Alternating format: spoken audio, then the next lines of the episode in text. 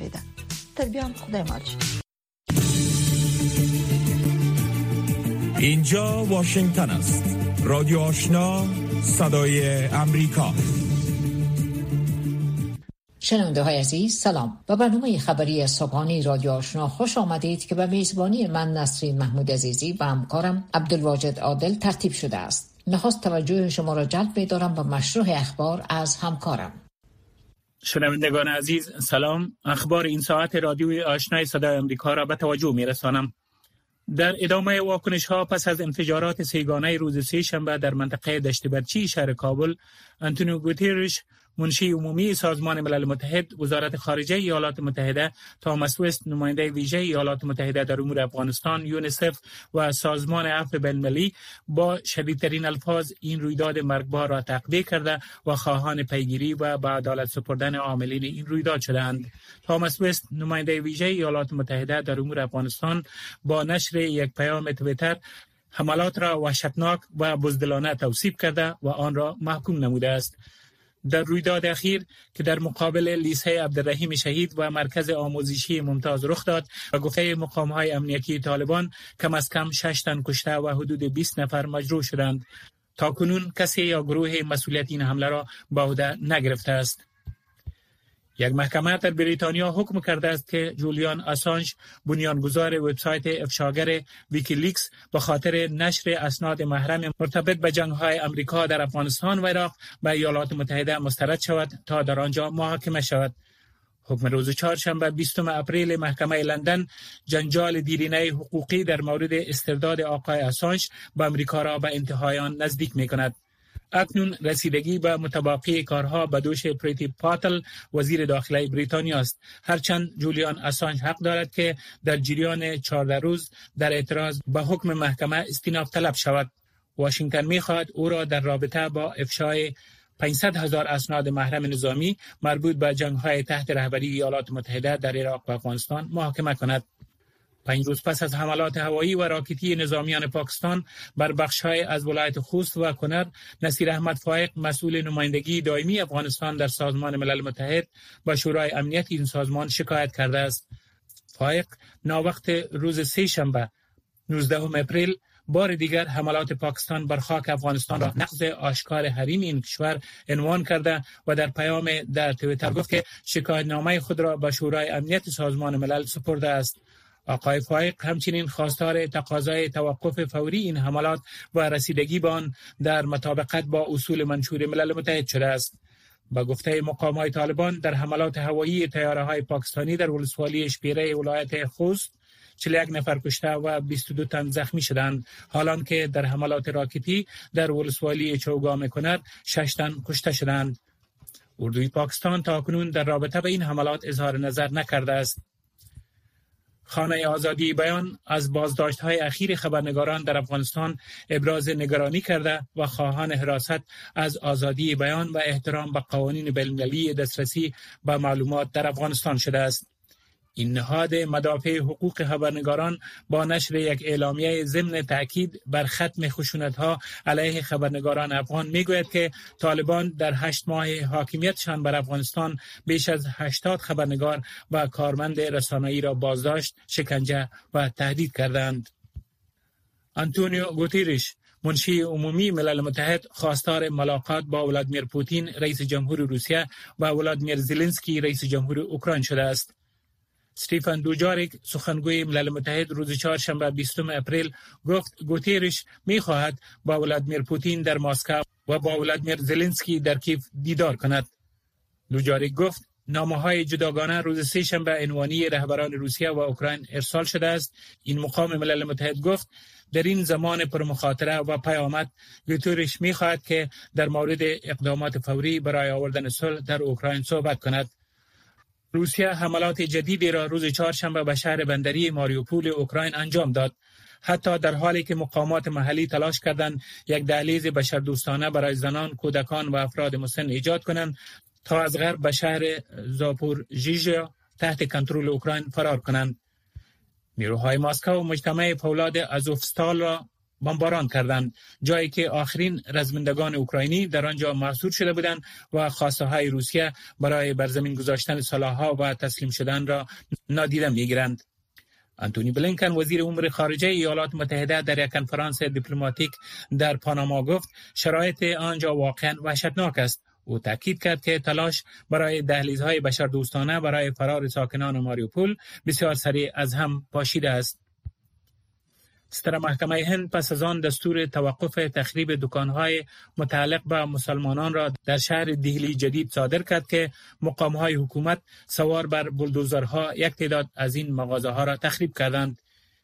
این اقدام روز چهارشنبه چند روز پس از خشونت های گروهی پایتخت هند را تکان داد و شاهد بازداشت دهاتن بود مقاما می‌گویند که برنامه تخریبکاری آنان ساختمان های غیر قانونی را شامل می شود نه کدام فرقه یا گروه خاص را اما در این اواخر احساسات ضد مسلمانان و حملات افزایش یافته و منتقدان تخریبکاری های اخیر را تازه ترین تلاش برای آزار و بهاشراندن مسلمانان تحت حکومت ملیگرای هندو می دانند.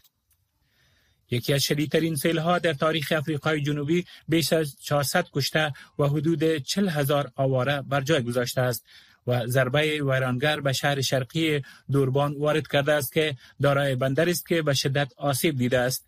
پایان اخبار. شنونده های عزیز اخبار افغانستان منطقه و جهان را از رادیو آشنا شنیدین.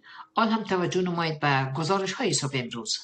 دفتر حمایت کودکان ملل متحد بر حل بیدرنگ موزری بسته ماندن مکاتب متوسطه و لیسه دخترانه تاکید می کند. شماری از دختران دانش آموز نیز می‌گویند که حکومت طالبان باید هر چیز زودتر مکاتب را برای آنان باز کند. جزیات بیشتر را در این گزارش میشنوید. ملل متحد یونسف گفته است که آموزش دختران افغان نمی‌تواند گروگان سیاست باشد. خانم اسکودرو در تویترش نگاشته است. همه دختران باید اجازه داشته باشند که به مکاتب باز گردند جامعه بین المللی و مقامات فعلی افغانستان باید راههایی برای همکاری با یکدیگر و خاطر همه دختران در افغانستان بیابند. بیشتر تاخیر نکنید. پیش از این آنتونیو گوترش منشی عمومی سازمان ملل متحد نیز هشدار داده بود که ادامه بسته ماندن مکاتب دختران به کل افغانستان آسیب خواهد رساند. وزارت خارجه ایالات متحده نیز گفته است در صورتی که نیم جمعیت یک کشور از تحصیل محروم باشد در آن صورت نمی‌توان در عرصه سیاسی و اقتصادی پیشرفت کرد. در همین حال برخی دانش آموزان دختر نیز بازگوش های مکاتب را کلید برای موفقیت آیندهشان می دانند و خواهان آن هستند. نامم هلال است متعلم صنف دوازدهم. خواست ما از دولتی است به عنوان متعلم که مکاتب ما بازگشایی شود. تا ما بتانیم که پروسه تعلیم ما را که تا اینجا رساندیم بتانیم که موفقانه ادامه بدیم. من مقدس است سنف دوازی مکتب هستم. خواستم از دولت امی است که مکتب ما دوباره بازگشایی شود چون همگی نیاز و احتیاج داره به درس خواندن. سنیا متعلم صنف 11 از دولت جدید خواهان بازگشایی مکتب هستیم چون به هم اندازه که تعلیم و تحصیل یک پسر برای یک جامعه مهم است و همان اندازه از دختران نیز مهم است پیش از این جنبش فرهنگی اجتماعی زنان نیز ضمن درخواست بازگشایی مکاتب دختران گفته است که تعطیل این مکاتب ضربه سنگین بر جامعه افغانستان و فرهنگ این کشور وارد کرده که رنج و درد آن را زنان در آینده خواهند کشید و برای نسلها قابل جبران نیست. وزارت معارف حکومت طالبان گفته است که به تمام حقوق افغانها به ویژه حقوق شرعی زنان و دختران به شمول حق آموزش متعهد است و تلاش ها برای بازگشایی مکاتب متوسطه و لیسه دختران جریان دارد. عزیز احمد رایان رئیس نشرات و سخنگوی این وزارت به صدای امریکا گفت بازگشایی مکاتب دخترانه سنف هفت الى سنف دوازده به صلاحیت های رهبری امارت اصلی است از این خاطر دقیق یک مدت تعیین کرده نمی‌توانیم اما برای شما و برای ملت عزیز خود اطمینان می‌دهیم که سر این مسئله به سطح امارت ماشاءالله بسیار کار خوب روان است و کار به طرف مثبت روان است و ما انشالله یک مجده خوب داشته باشیم. به آینده نزدیک انشالله طالبان برخلاف تعهداتشان به تاریخ سوم حمل روز نخست سال تعلیمی جدید یک بار دیگر اعلام کردند که مکاتب متوسطه و لیسه دختران برای مدت نامعلوم مسدود باقی خواهد ماند. هشت ماه از حاکمیت این گروه در افغانستان میگذرد و در این مدت دروازه های مکاتب متوسطه و لیسه را بروی دانش آموزان دختر مسدود نگه داشته است. هفت روز هفته با رادیو آشنا صدای امریکا طبق گزارش ها بانک جهانی تمویل سه پروژه را در بخش های زراعت، صحت و نیازمندی های اولیه زندگی با ارزش مجموعی 450 میلیون دلار در افغانستان از سر گرفته است. اما خبرگزاری رویترز از قول دو منبع آگاه گزارش داده که تمویل مالی بخش معارف افغانستان به دلیل تصمیم طالبان مبنی بر مسدود نگه داشتن مکاتب دختران از سوی بانک جهانی اثر گرفته نشده است برای موثریت کمک ها به اقتصاد علیل افغانستان چه نوع مکانیزم روی دست گرفته شد تا مانند گذشته حیف و مل نشده و به هدر نرود توجه شما را به مصاحبه با آقای اسحاق از انستیتوت آی سی دی آلمان جلب می دارم. جناب آقای مر اقتصاد افغانستان که از قبل با تکی به کمک های خارجی بود در حال حاضر در لبه سقوط قرار گرفته. چنانچه که در مقایسه با چهار ماه اول سال جاری میلادی با چهار ماه اول سال 2021 آید سرانه تقریبا 33 درصد کاهش یافته. آیا دلیل وخامت وضعیت اقتصادی در افغانستان مربوط به اشتباهات گذشته است؟ و یا هم شرایط فعلی ما در طول 20 سال گذشته زمانی که افغانستان دسترسی و منابع جهانی و بینالمللی داشت و کشورهای هم بود که افغانستان مستقیما کمک می‌کردن و مثلا پروژه ها را در افغانستان اینا تطبیق می‌کردن یک مقدار زیاد پول که گفته میشه تا صدها میلیون دلار به افغانستان آمد. ولی ما متاسفانه نتونستیم با اون پولی که به افغانستان سرازیر می‌شد بتانیم که یک اقتصاد با ثبات و کشور خود رقم بزنیم. ولی امی سیاست گذاری های اقتصادی ما در حقیقت آنچنانی که اینا فکر می‌کردن نتیجه عملی نداشت و با بیرون رفتن از افغانستان. این ثابت شد که افغانستان یک اقتصاد شکننده دارد و امروز افغانستان در پرتگاه سقوط اقتصادی قرار دارد که نتیجه اونمو عدم توجه زماندارای امور و اشخاص افراد مسئول اقتصادی در کشور است. ادامه خوشسالی تحولات سیاسی و مشکلات اقتصادی در حال از مردم افغانستان از سراسیمه ساخته. قرار است که وزارت خزانه داری ایالات متحده شرکای گروه هفت و سایر کمک کننده های باسازی افغانستان بر روز جمعه در جریان نشست صندوق بین المللی پول و بانک جهانی با هم دیدار کنند تا یک راهی را برای نجات مردم افغانستان پیدا کنند. چه نوع سیستم باید ایجاد شود تا پول در یک جای مناسب به مصرف برسد؟ مسئله خوشیسانی یک مسئله عام است.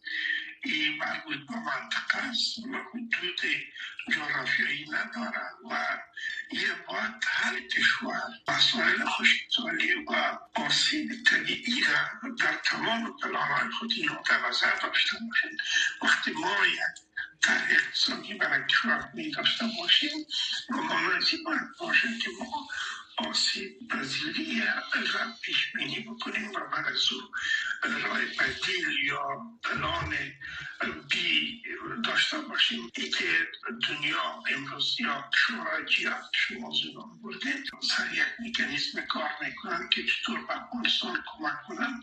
یک گپ خوب است و من فکر می‌کنم که این کمک از نو در حد این است که تا بتانه افغانستان سکوت نکنه یعنی سکوت اقتصادی نکنه چون چه امروز افغانستان در یک مرحله بسیار ناگوار و خراب قرار داره از نظر اقتصادی. و باور است که در هر نوع کمک اگر افغانستان خودش اول برنامه ریزی نداشته باشه برای پذیرشی کمک ها و بجا مصرف نمودن کمک ها چرا؟ وقتی که کمک بر شما می‌رسد این مثلا بسیار مهم است که شما یک پول چه قسم مصرف می‌کنه نقدی مساج پول. این بسیار مهم است که شما باید پلان های برای از او داشته باشین یعنی یک سستینیبیلیتی را بر اقتصاد یا اصطلاح مسئله که دوامدار باشه و خود افغانستان رو ایجاد کردن همینطور باور میست که اگر با طرحهای خوب داشته باشیم برای مصرف پول و یک سیستم نظارتی داشته باشیم بر مصرف پول ما می‌تونیم از امکانات خود و کوچکم استفاده بکنیم چنانچه بعضی کشورها هستند که هیچ کمک دریافت نمی‌کنند فقیر هستند ولیکن می‌تونن با برنامه ریزی های خود مشکل خود حل کنند و در بخش تمویل پروژه معرف چطور تعامل خواهد شد؟ از یک طرف طالبان مکاتب بسته کردند. و از طرف دیگر کمک ها هم مربوط به باز شدن مکاتب است. ایزا می‌خواهند که جامعه جهانی مشروط ساخته کمک ها که باید در صورتی که مکتب ها باز نشوه اینا کمک نمی‌کنند و این ما در دوری اول طالبان که جامعه جهانی یک رو دور وضع اقتصادی مردم از آن بدتر بود ولی کمک نکردن من فکر می‌کنم که طالبا به نحو فکر می‌کنن که گویا از این مسئله اینا با منفعت خود استفاده بکنن. یعنی جامعه جهانی را مجبور بسازن که تا طالبا کمک بکنن. طالبا را یک پیشرفت قرار بدن که ما زمان مکاتب و شاگردان باز می‌کنیم که جامعه جهانی ما را کمک کنه یا ما را به رسمیت این اگر نحوه برخورد از هر نظام طوری باشد که اون مردم گروگان دیگه و مردم به خاطر اهداف سیاسی خود قربانی بدن یک خیانت بزرگ تاریخی است برای کشورشان. روک و راست. صحبت های داغ صاحب نظران در مورد خبرها و مسائل روز هر شام از ساعت 8 تا 9 شب در برنامه مشترک دری و پشتوی رادیو آشنا صدای امریکا. بخش زنده این برنامه را در نشرات ماهواره صدای امریکا نیز دنبال کرده می توانید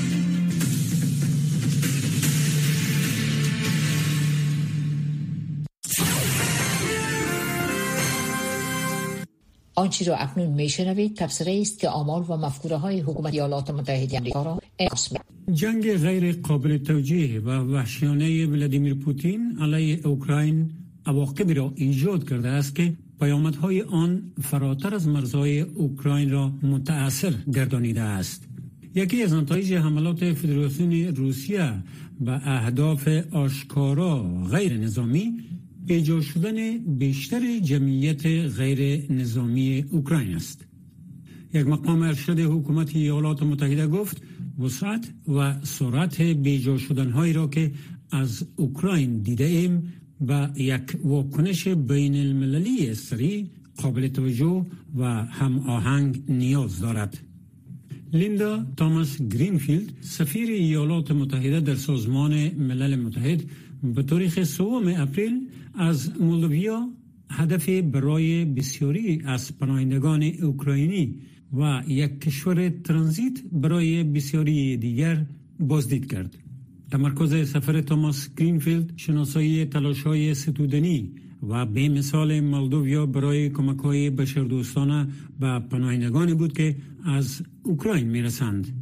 با ادامه تشدید حملات روسیه در جنوب اوکراین و پیشروی به سمت بندر اودیسا در بهیره سیاه جریان پناهجویان به احتمال زیاد افزایش خواهد یافت. این مقام ارشد امریکایی گفت اگر چنین باشد پیامدهای انسانی مستقیما بر کشورهای مرز جنوب غربی اوکراین مولدوویا و رومانیا تأثیر می‌گذارد.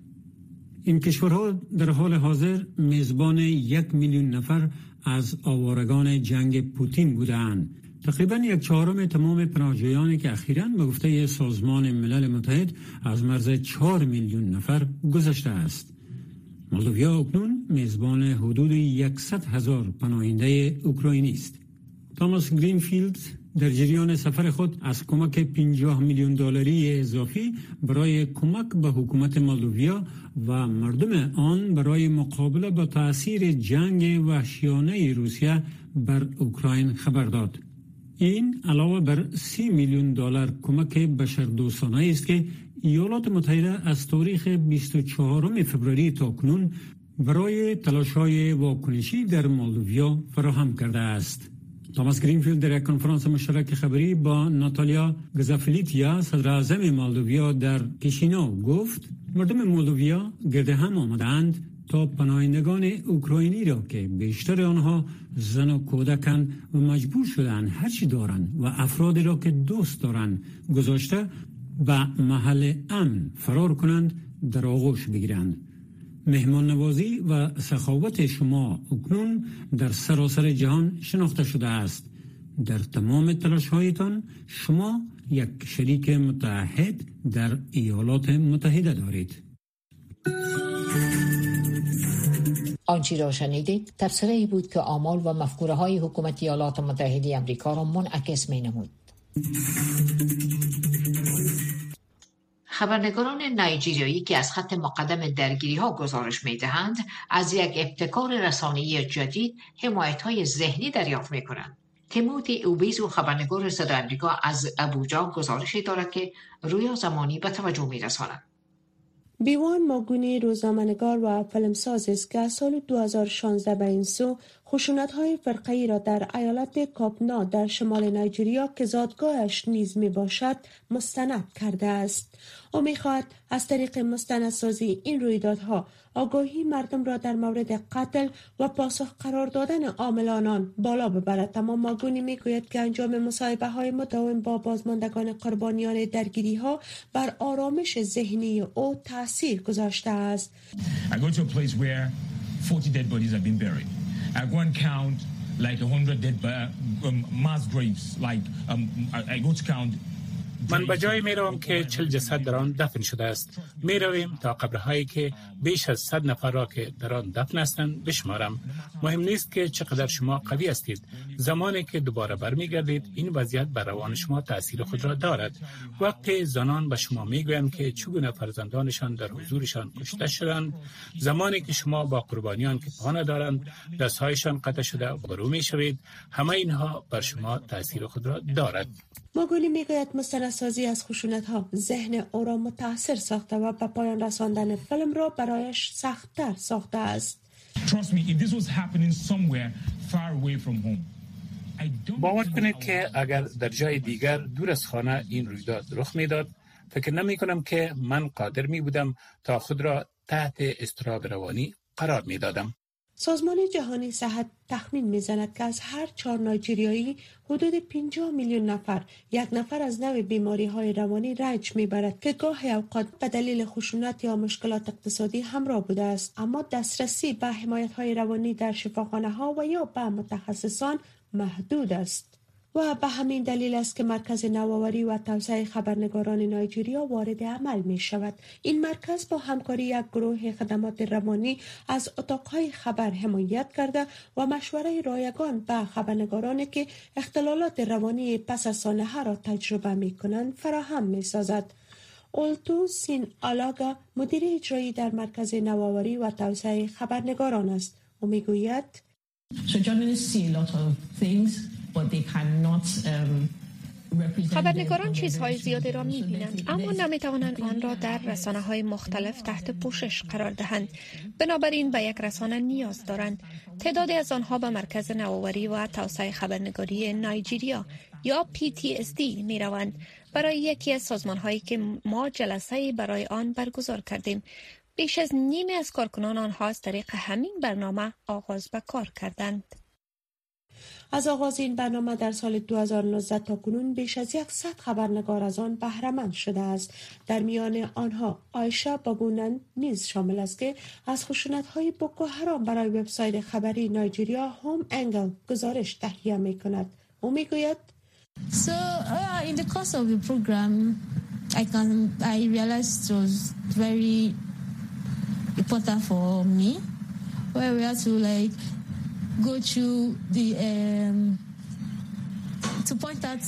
در جریان این کورس درک کردم که برنامه بسیار مهمی است. ما باید به برخی از چیزها که در ذهنمان میآید اشاره کنیم. مثل اینکه وقت استرس دارید چی واکنشی نشان می‌دهید؟ آیا شما غیر فعال یا منفعل یا پرخاشگر باشید؟ این چیزهایی است که واقعیات را نشان می دهد باتوانادا می‌گوید که کارمندان او شامل برنامه حمایت دوره‌ای استراب می‌شوند که بخش از مزایای کاری برای کارمندان است. اما مرکز خبرنگاری می‌خواهد اتاقهای بیشتری خبری را برای این ابتکار داشته باشد تا از دیگران نیز حمایت صورت گیرد.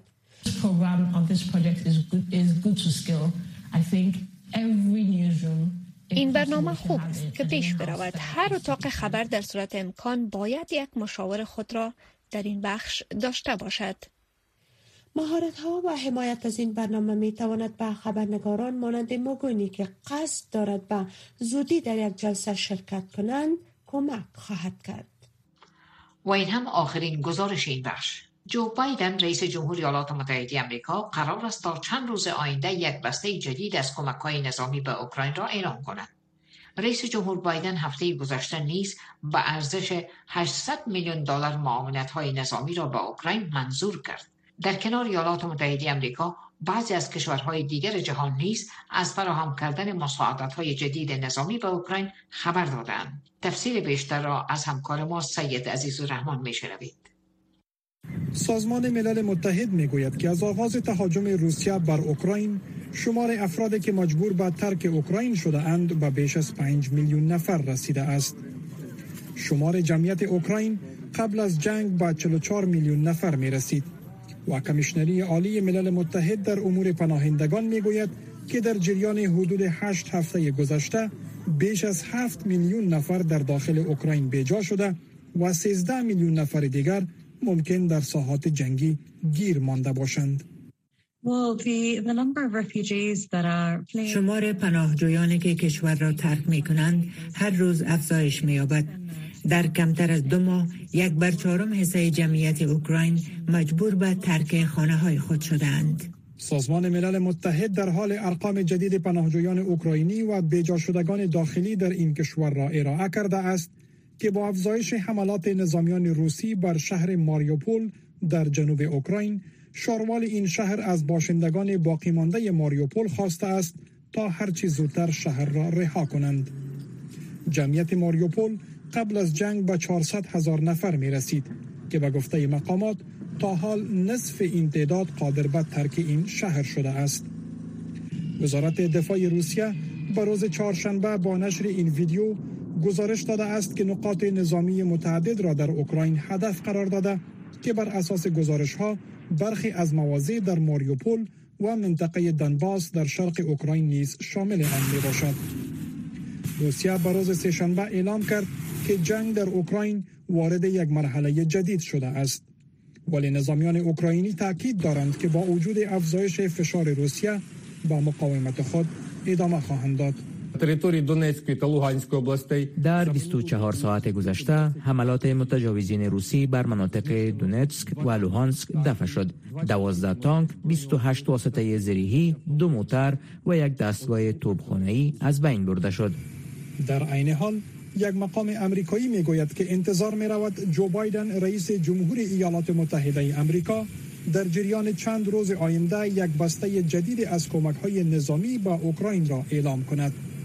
واشنگتن می‌گوید که فراهم کردن مهمات و معاونت های دفاعی با اوکراین در یک تماس ویدیویی به روز سهشنبه میان رئیس جمهور بایدن و برخی از متحدین واشنگتن مورد بحث قرار داشت.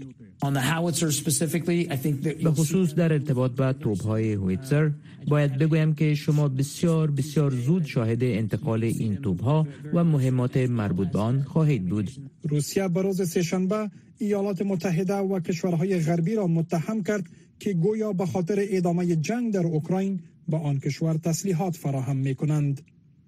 از آغاز تهاجم روسیه بر اوکراین ایالات متحده به ارزش حدود 2.6 میلیارد دلار کمک نظامی را به اوکراین فراهم کرده است. صدا و نظریات شما در مورد مسائل سیاسی، اقتصادی، فرهنگی، اجتماعی و صحی از ساعت ده تا دو شب در برنامه مشترک دری و پشتوی رادیو آشنا صدای امریکا.